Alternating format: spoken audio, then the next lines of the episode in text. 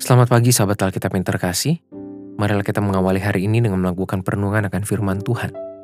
Bacaan Alkitab kita pada hari ini berasal dari kitab ulangan pasal 4 ayat 11 sampai 14. Lalu kamu mendekat dan berdiri di kaki gunung itu, sedang gunung itu menyala sampai ke pusar langit dalam gelap gulita, awan, dan kegelapan. Lalu berfirmanlah Tuhan kepadamu dari tengah-tengah api, suara kata-kata kamu dengar, tetapi suatu rupa tidak kamu lihat hanya ada suara. Dan ia memberitahukan kepadamu perjanjian yang diperintahkannya kepadamu untuk dilakukan, yakni ke sepuluh firman, dan ia menuliskannya pada dua lobat. Dan pada waktu itu aku diperintahkan Tuhan untuk mengajarkan kepadamu ketetapan dan peraturan, supaya kamu melakukannya di negeri ke mana kamu pergi untuk mendudukinya. Sahabat Alkitab, salah satu batasan kemampuan fisik manusia adalah persoalan penglihatan dalam gelap. Secara desain, fungsi mata manusia tidak dipersiapkan untuk melihat dalam gelap gulita. Beda halnya dengan beberapa mata hewan nokturnal yang memang mampu beraktivitas secara efektif dalam kondisi yang tanpa cahaya sekalipun. Itulah mengapa tubuh manusia hanya dapat berfungsi secara efektif pada siang hari, terkhusus dalam kondisi terang. Cobalah Anda bayangkan, Anda harus menulis, berjalan, bahkan menjahit dalam gelap gulita. Bukankah hal itu sangat berpotensi menimbulkan kesalahan atau justru beresiko besar menimbulkan celaka? Pada perikop ini, kita pun sedang menyaksikan catatan pengalaman bangsa Israel pada momen awal mengalami perjumpaan dengan Tuhan. Hal yang menarik adalah ketika perjumpaan itu tidak dialami secara visual.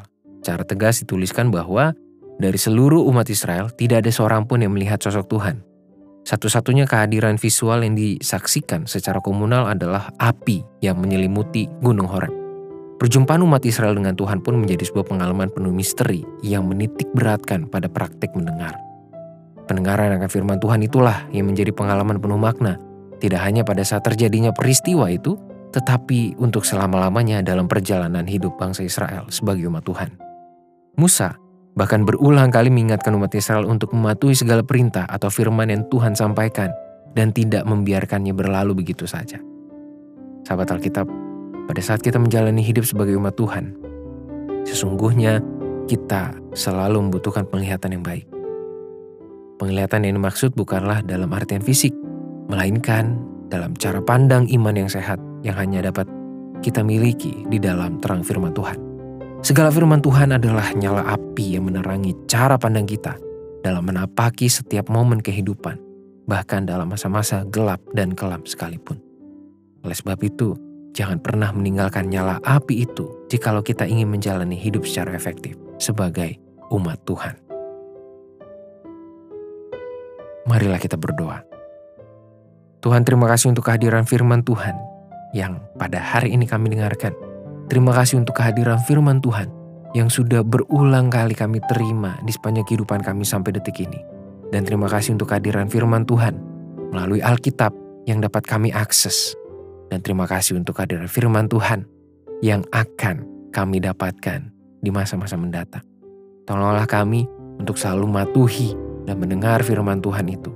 Karena hanya melalui firman Tuhan itulah kami memiliki cara pandang yang sehat. Kami dapat memiliki hidup dalam terang. Hanya dalam nama Tuhan Yesus kami berdoa. Amin.